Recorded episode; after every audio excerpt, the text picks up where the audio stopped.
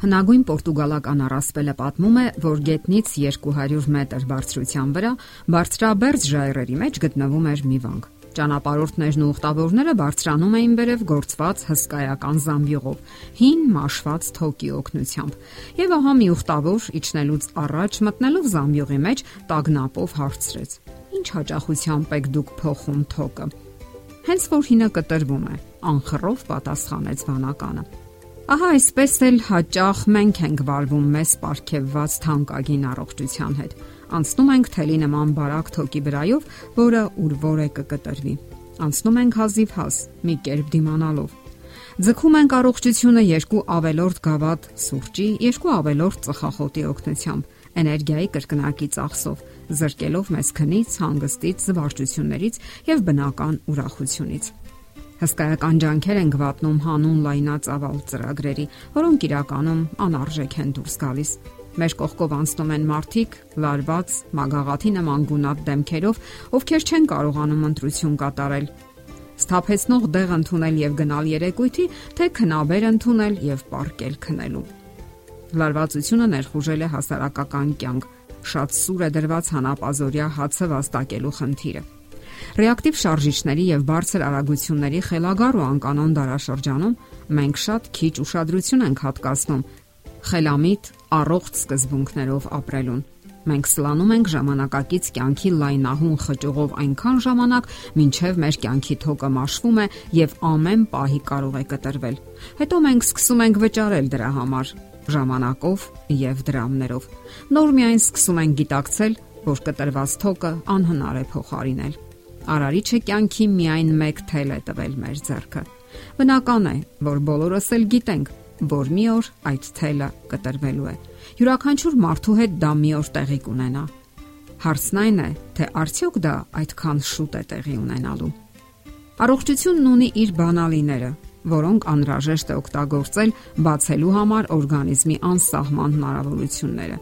այդ բանալիներից առաջինը ճիշտ սնունդն է։ Այսօր շատ մարդիկ են մահանում այսպես կոչված քաղաքակրթության հիվանդություններից, սրտի խնդիրներից, քաղցկեղից, ինսուլտից։ Միշտ հիշեք, որ վաղաժամ մահվան պատճառ են հանդիսանում սահմանային ճարպերը եւ առատ խոլեստերինը։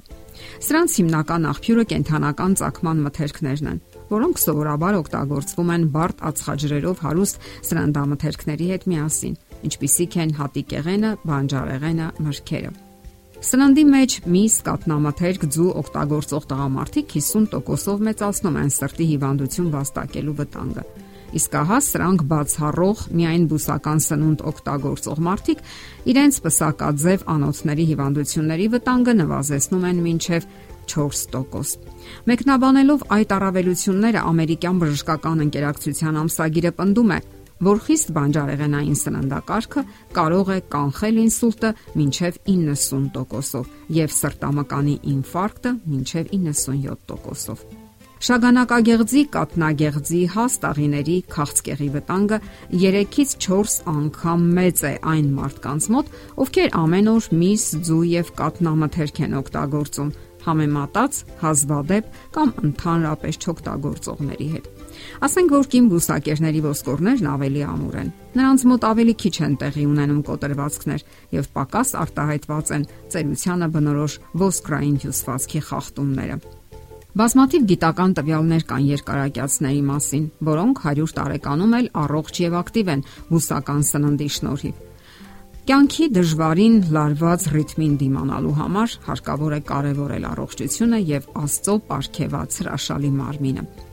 Հիշենք նաև, որ կարևոր է սննդամթերքների ճիշտ համակցությունը։ Չի կարելի միասին շատ տարբեր մթերքներ օգտագործել։ Մարդու օրգանիզմը ընդունակ է միաժամանակ մարսել, յուրացնել հուսական ցակման 3-ից 4 տեսակ։ Առավել բարդ կազմի դեպքում պահանջվում է ավելի շատ ժամանակ եւ էներգիա։ Մարսողության հետ կապված շատ խնդիրներ առաջանում են այն դեպքում, երբ ստամոքս են մտնում ոչ པարս, բարդ եւ կազմով հակադիր մթերքներ։ Դրանից հետո հարկավոր է հանգիստ տալ օրգանիզմին։ Լրացուցիչ ոչինչ պետք չէ ուղարկել այնտեղ։ Իդեալական պայմաններում սննդի մի ընդունումը մյուսից պետք է ունենա 5 ժամ ընդմիջում։ Այդ ընդմիջման ընթացքում ոչինչ պետք չէ ուտել։ Հարկավոր է ջուր խմել եւ այն էլ միայն ուտելուց 2 ժամ հետո կամ ուտելուց կես ժամ առաջ։ Ջուրը մարսողություն չի պահանջում եւ հիանալի լվանում է մարդու ներքին օրգանները եւ ողջ օրգանիզմը։ Եվ եթե դա էլ բավական չէ, կերեք մեկ խնձոր գազար կամ նմանատիպ որևէ པարզ բան։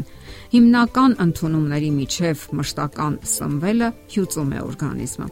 Մարսողությունը մկանների, հորմոնների եւ ֆերմենտների աշխատանքի բարդ համակցություն է, իսկ ավելորդ լարումը խախտում է այդ ռիթմը եւ հոգնեցնում օրգանիզմը։ Փորձեք ճիշտ սնվել եւ զգալի գումար կխնայեք դեղորայքի հաշվին ձեր ցավերի հաշվին։ Հիշեք, մենք չենք ապրում ուտելու համար, այլ ուտում ենք ապրելու համար։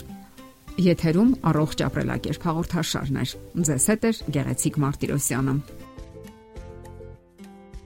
Հարցերի եւ առաջարկությունների համար զանգահարել 033 87 87 87 հեռախոսահամարով։